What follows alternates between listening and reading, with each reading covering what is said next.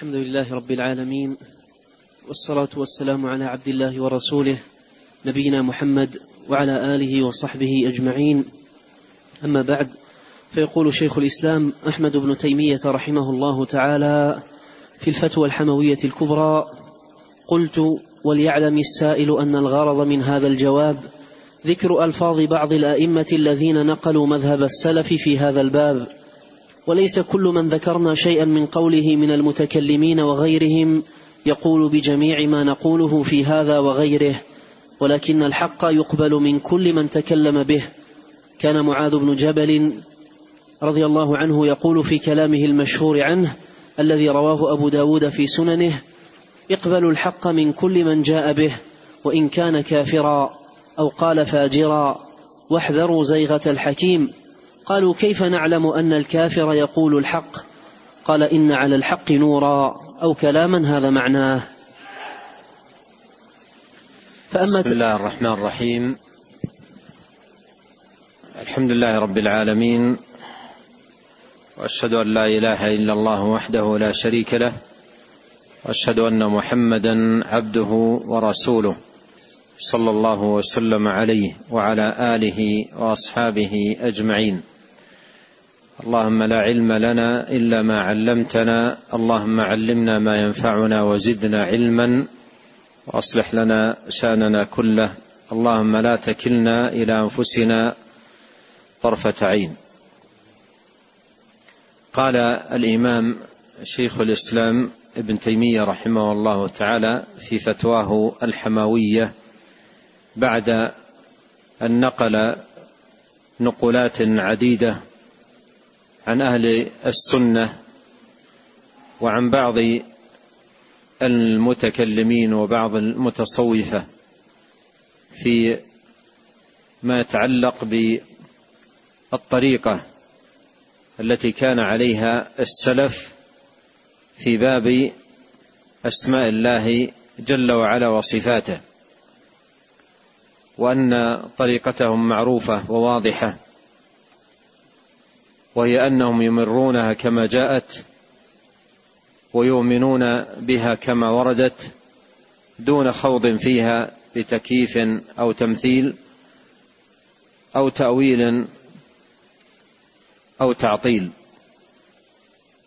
على هذا مضت طريقتهم وجادتهم رضي الله عنهم ورحمهم. لما أنهى اراد أن نقول قال رحمه الله تعالى قلت في بعض النسخ فصل وليعلم السائل أن الغرض من هذا الجواب ذكر ألفاظ بعض الأئمة الذين نقلوا مذهب السلف في هذا الباب. قوله الغرض من الجواب أي في هذه الرسالة لأن الرسالة جواب لسؤال مر معنا في أول الرسالة قال فيه السائل ما قولكم في آيات الصفات؟ كقوله تعالى الرحمن على العرش استوى وقوله ثم استوى إلى السماء. إلى غير ذلك من الآيات وأحاديث الصفات. فالسؤال عن عن القول في آيات الصفات وأحاديث الصفات وما الجادة التي كان عليها أئمة السلف رحمهم الله تعالى فيها. فيقول رحمه الله تعالى أن الغرض من هذا الجواب ذكر ألفاظ بعض الأئمة الذين نقلوا مذهب السلف في هذا الباب. وعرفنا أن من نقل أقوالهم منهم من من هم من أئمة السلف رحمهم الله تعالى ومنهم من عنده شيء من التصوف وشيء من من علم الكلام. فيقول رحمه الله منبها وليس كل من ذكرنا شيئا من قوله من المتكلمين وغيرهم أي المتصوفة يقول بجميع ما نقولهم. يقول بجميع ما نقوله في هذا أي باب الصفات وغيره أي من أمور ومسائل الاعتقاد. اذا ما الغرض من نقل أقوالهم؟ قال ولكن الحق يقبل من كل من تكلم به ولكن الحق يقبل من كل من تكلم به. هذا من جهة ومن جهة أخرى سبق أن نبه عليها رحمه الله تعالى أن ذكره لهذه النقول لعلها تكون سببا لهداية من هو متعصب لهؤلاء من هو متعصب لهؤلاء أو منتسب إليهم أن يقف على أقوال هؤلاء الذين يتعصب لهم وينتسب إليهم في بيان أن الحق هو ما كان عليه السلف وفي ذم التأويل الذي إنما وجد عند الخلف ولم يوجد عنده عند السلف منه أي شيء. قال ولكن الحق يقبل من كل من تكلم به. كان معاذ بن جبل يقول في كلامه المشهور عنه الذي رواه أبو داود في سننه اقبلوا الحق من كل من جاء به وإن كان كافرا أو قال فاجرا واحذروا زيغة الحكيم قالوا كيف نعلم أن الكافر يقول الحق؟ قال إن على الحق نورا أو كلاما هذا معناه. قال شيخ الإسلام أو كلاما هذا معناه أي أنه أورد هذا الأثر الذي هو في سنن أبي داود عن معاذ رضي الله عنه أورده بالمعنى من حفظه رحمه الله تعالى. ونص هذا الأثر كما في سنن أبي داود في كتاب السنة من سننه عن يزيد بن عميرة وكان من أصحاب معاذ بن جبل أن أنه أخبره قال كان لا يجلس أن أن معاذا كان لا يجلس مجلسا للذكر حين يجلس إلا قال الله حكم قسط الله حكم قسط أي عدل. هلك المرتابون أي الشاكون. فقال معاذ بن جبل يوما إن من ورائكم فتنا يكثر فيها المال ويفتح فيها القرآن حتى يأخذه المؤمن والمنافق والرجل والمرأة والصغير والكبير والعبد والحر أن يكثر إقراء القرآن وحفظه وإتقان تلاوته.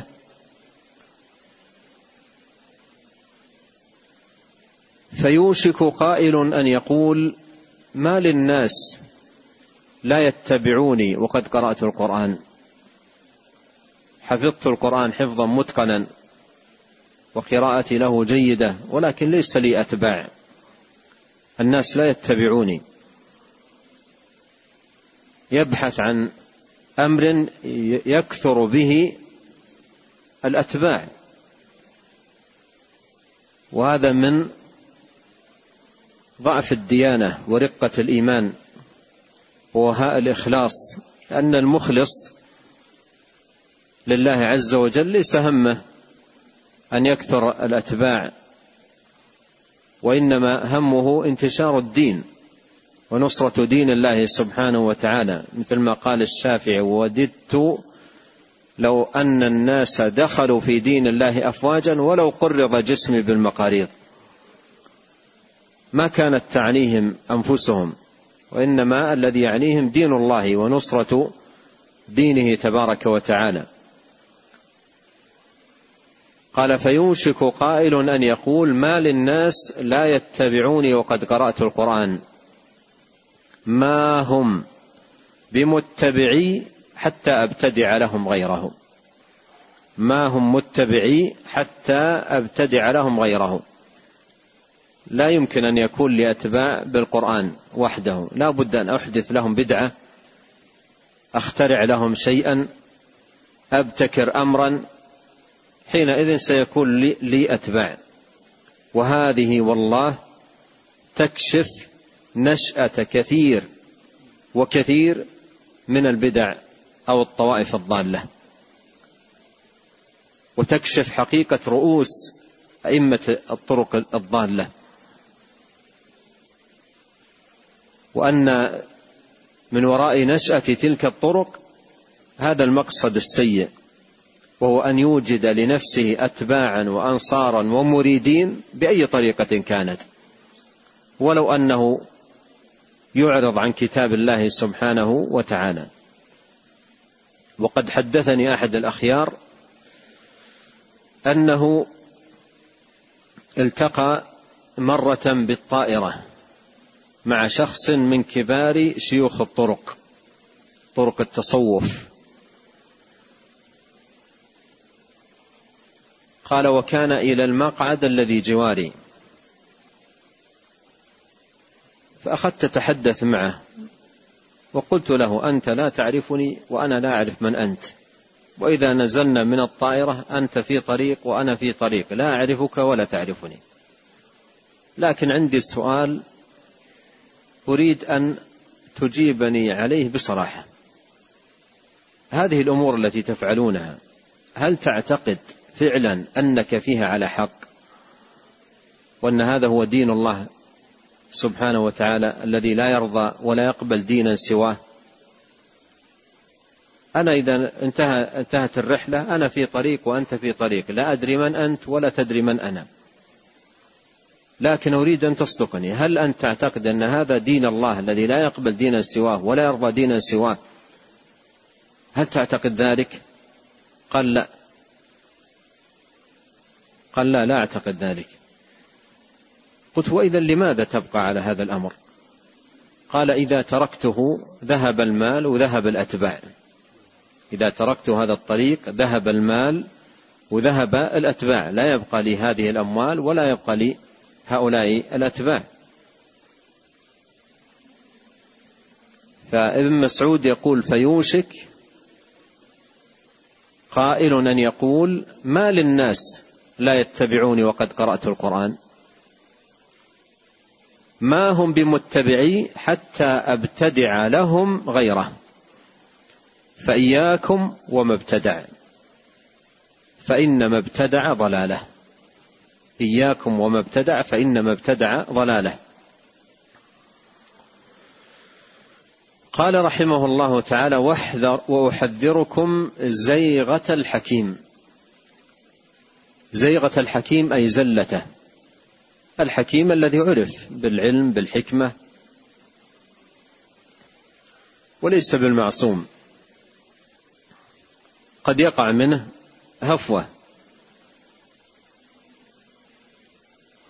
قد يأتي على لسانه كلمة خاطئة أو حكما خاطئا زلة. زلة العالم.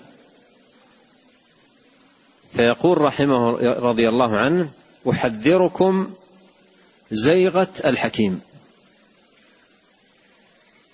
فإن الشيطان قد يقول كلمة الضلالة على لسان الحكيم. قد يقول كلمة الضلالة على لسان الحكيم بمعنى أن الشيطان قد يتسلط على الحكيم بشيء من الوساوس فيقول كلمة يكون الذي دفعه إليها الشيطان والذي أوقعه فيها الشيطان.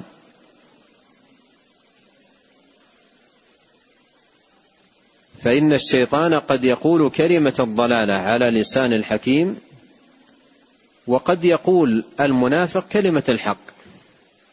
وقد يقول المنافق كلمة الحق. المنافق عرف بضعف الدين ورقة قد يقول في موقف ما أو في وقت ما أو في مناسبة ما قد يقول كلمة الحق.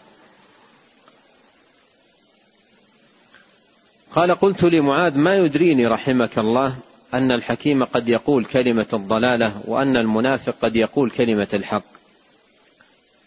قال بلى اجتنب من كل من كلام الحكيم المشتهرات. وتروى المشبهات. اجتنب من, من كلام الحكيم المشتهرات. سبحان الله ال ال حتى في زماننا هذا الكلمة إذا كانت فيها شيء من الخطأ أو توافق شيء من الأهواء أهواء الناس لمن عرف بالعلم أو بالدعوة تنشر وتشتهر في ساعة. خاصة في زماننا الآن وسائل ال ال الاتصال ونقل المعلومات. فالكلمة التي تكون زلة تنقل مباشرة وتشتهر بسرعة ويتناقلها الناس سريعا. بخلاف الكلمة التي فيها دعوة إلى حق أو دعوة إلى سنة أو دعوة إلى هدى ما ينشط كثير من الناس إلى نشرها. لكن إذا قال عالم كلمة فيها زلة مثلا أو فيها حكم خاطئ أو نحو ذلك تجد الناس يتنافسون في نقلها ونشرها ويتسارعون إلى إلى ذلك وتشتهر بسرعة. فالمراد بالمشتهرات أي المشتهرات بالبطلان بالباطل. المشتهرات أي بالبطلان بالباطل. كما يوضحه المشبهات يعني الكلام الذي فيه في مبني على الشبه ليس مبني على الهدى ولا على الحق ولا على العلم. قال اجتنب من كلام الحكيم المشتهرات التي يقال لها ما هذه يقال لها ما هذه. ينقل فيقال سبحان الله فلان هو الذي قال ذلك؟ عجيب. هذا أمر غريب. ما هذا؟ لو كان غيره الذي قال ذلك فلان بنفسه؟ فهذا فالكلام الذي يكون بهذه الصفة يكون على هذه الحال يجتنب. بعض الناس لكونه عنده هوى لكونه عنده شيء من الهوى تجده يتتبع مثل هذه الأشياء. ويتتبع مثل هذه الزلات. وقد قيل قديما من تتبع الرخص تزندق. بعضهم يتتبع مثل هذه الأشياء ويجعلها هي الدين. وتجد بعضهم لا يرتضي قول عالم من العلماء لا يرتضي قول عالم من العلماء في أمور الدين كلها ويأتي إلى قوله في باب معين في باب معين ويأخذ به. مثل بعض النساء الآن تقول أنا مذهبي في الحجاب مذهب الألباني. بعض النساء تقول ذلك. فتجدها لا تعرف عنه شيء ولا عن علمه ولا عن ولكن سمعت أنه يرى كشف الوجه مثلا. وهي ترغب أن تكشف وجهها. ترغب أن أن تكشف وجهها. هذا مثال من أمثلة. هذا مثال من أمثلة. مع أن الشيخ الألباني حتى في هذه المسألة يرى أن المرأة الشابة الجميلة الحسنة أنها ينبغي أن تغطي وجهها. لكن لا لا يلتفتون إلى إلى مثل ذلك. وإنما كله تتبع لما تهواه الأنفس. تتبع لما تهواه الأنفس. فهذا من حقيقة المصائب والآفات الموجودة لدى الناس في مثل هذا في مثل هذا الباب أو في مثل هذا المقام.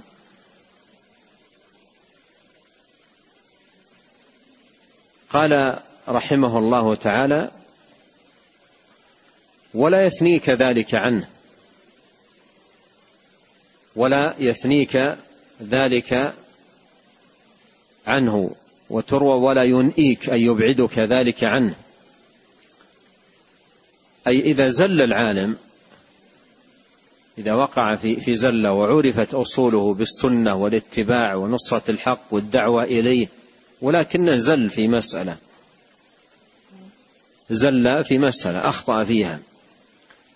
فيقول لا ينئيك ذلك عنه لا يبعدك ذلك عنه. اترك زلته وتجنب هذا الخطأ الذي وقع فيه لكن لا ينئيك ذلك عنه من أن يستفاد من علومه العظيمة وعنايته بالسنة ونصرته لدين الله تبارك وتعالى. فإنه لعله أن يرجع. أيضا هذه الزلة التي وقع فيها لعله أن أن يرجع.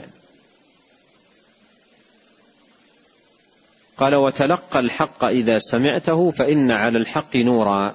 وتلقى الحق إذا سمعته فإن على الحق نورا. أي جعل الله سبحانه وتعالى على الحق نورا يميز به. ولكن هذا النور الذي على الحق لا يراه من على بصره غشاوة البدعة والهوى. لا يراه من على بصره غشاوة البدعة والهوى. نعم. قال رحمه الله تعالى فأما تقرير ذلك بالدليل وإماطة ما يعرض من الشبه وتحقيق الأمر على وجه يخلص إلى القلب ما يبرد به من اليقين ويقف على مواقف آراء العباد في هذه المهامه فما تتسع له هذه الفتوى. وقد كتبت شيئا من ذلك قبل هذا وخاطبت ببعض ذلك بعض من يجالسنا وربما أكتب إن شاء الله في ذلك ما يحصل المقصود به. يقول رحمة الله عليه فأما تقرير ذلك بالدليل يقصد بتقرير ذلك أي بسط القول فيه والتوسع في جمع الأدلة ومناقشة أقوال المخالفين ورد الشبه مثل ما قال وإماطة ما يعرض ما يعرض من الشبهة. وانتبه إلى التعبير بالإماطة. انتبه للتعبير بالإماطة. إماطة ما يعرض من الشبهة. وقد قال النبي عليه الصلاة والسلام الإيمان بضع وسبعون شعبة. أعلاها قول لا إله إلا الله وأدناها إماطة الأذى عن الطريق. وإذا كان إماطة الأذى الحسي الذي هو القدر من شوك أو أو ساخ أو نحو ذلك من طريق المسلمين لئلا يؤذيهم يعد شعبة من شعب الإيمان وخصلة من خصاله العظام فلا أن يكون إماطة الأذى المعنوي الذي هو شبهات أهل الباطل شبهات أهل الباطل التي تؤثر على الناس في عقائدهم وأديانهم وعبادتهم من الإيمان من باب أولى. لأن أثر هذه الشبه على الناس في عقائدهم أضر من أثر تلك القاذورات على الناس عندما تكون في طريقهم. فإماطة آه، هذا آه، هذا النوع من الأذى من أعظم القرب ومن أجل شعب الإيمان ومن أعظم ما يتقرب به إلى الرحمن سبحانه وتعالى. وهذا مما يبين لنا المكانة العلية لأئمة الدين وعلماء آه، السلف أهل السنة في إزالتهم لهذه الشبهات. إزالتهم لهذه الشبهات التي يريدها أهل الباطل لحرف الناس في عقائدهم. اقرأ على سبيل المثال الكتاب المبارك الموسوم بكشف الشبهات لمحمد للإمام محمد بن الوهاب رحمة الله عليه. ما أعظم أثره وما أكبر فائدته وكم أصلح الله سبحانه وتعالى به من عقائد. وأزال به من مفاسد وشرور لأنه أماط. رحمه الله بهذا الكتاب أذى عظيما يحرف الناس في عقائدهم وإخلاصهم وتوحيدهم لرب العالمين. قال فأما تقرير ذلك بالدليل وإماطة ما يعرض من الشبه وتحقيق الأمر على وجه يخلص إلى القلب ما يبرد به من اليقين. يقصد بذلك رحمه الله تعالى التوسع والبسط وجمع النقول والأدلة وتوسع في نقد ما يريده هؤلاء من شبهات ويقف على مواقف آراء العباد في هذه المهامه أي المفاوز والمهالك فما تتسع له هذه الفتوى؟ وهذا فيه تنبيه لأنه رحمه الله تعالى قصد بهذه الفتوى الاختصار وعدم الإطالة. وله رحمه الله تعالى في هذا الباب كتبا توسع فيها. ولهذا قال وقد كتبت شيئا من ذلك قبل هذا. كتبت شيئا من ذلك قبل هذا وخاطبت ببعض ذلك بعض بعض من يجالسنا وربما أكتب إن شاء الله في ذلك ما يحصل به المقصود به. ومن كتبه رحمه الله تعالى النافعة في هذا الباب نقض نقض التأسيس. وكتابه رحمه الله تعالى درء التعارض درء تعارض العقل. والنقل فإن هذين الكتابين من أوسع الكتب في هذا الباب. وأيضا ما كتبه ابن القيم رحمه الله تعالى في كتابه الصواعق المرسلة وكثير منه آه، استفاده من شيخ الإسلام ابن تيمية رحمه الله تعالى مع إضافات كثيرة مهمة للغاية. ضمنها كتابه رحمه الله تعالى ونسأل الله الكريم رب العرش العظيم أن ينفعنا أجمعين بما علمنا وأن يزيدنا علما وأن يصلح لنا شأننا كله وأن لا يكلنا إلى أنفسنا طرفة عين وأن يغفر لنا ولوالدينا ولمشايخنا وللمسلمين والمسلمات والمؤمنين والمؤمنات الأحياء منهم والأموات. اللهم آت نفوسنا تقواها وزكها. أنت خير من زكاها. أنت وليها ومولاها اللهم اقسم لنا من خشيتك ما يحول بيننا وبين معاصيك ومن طاعتك ما تبلغنا به جنتك ومن اليقين ما تهون به علينا مصائب الدنيا. اللهم متعنا بأسماعنا وأبصارنا وقوتنا ما احييتنا واجعله الوارث منا واجعل ثأرنا على من ظلمنا وانصرنا على من عادانا. ولا تجعل مصيبتنا في ديننا ولا تجعل الدنيا أكبر همنا ولا مبلغ علمنا ولا تسلط علينا من لا يرحمنا. سبحانك اللهم وبحمدك أشهد أن لا إله إلا أنت أستغفرك وأتوب إليك. اللهم صل وسلم على عبدك ورسولك نبينا محمد وآله وصحبه. جزاكم الله خيرا.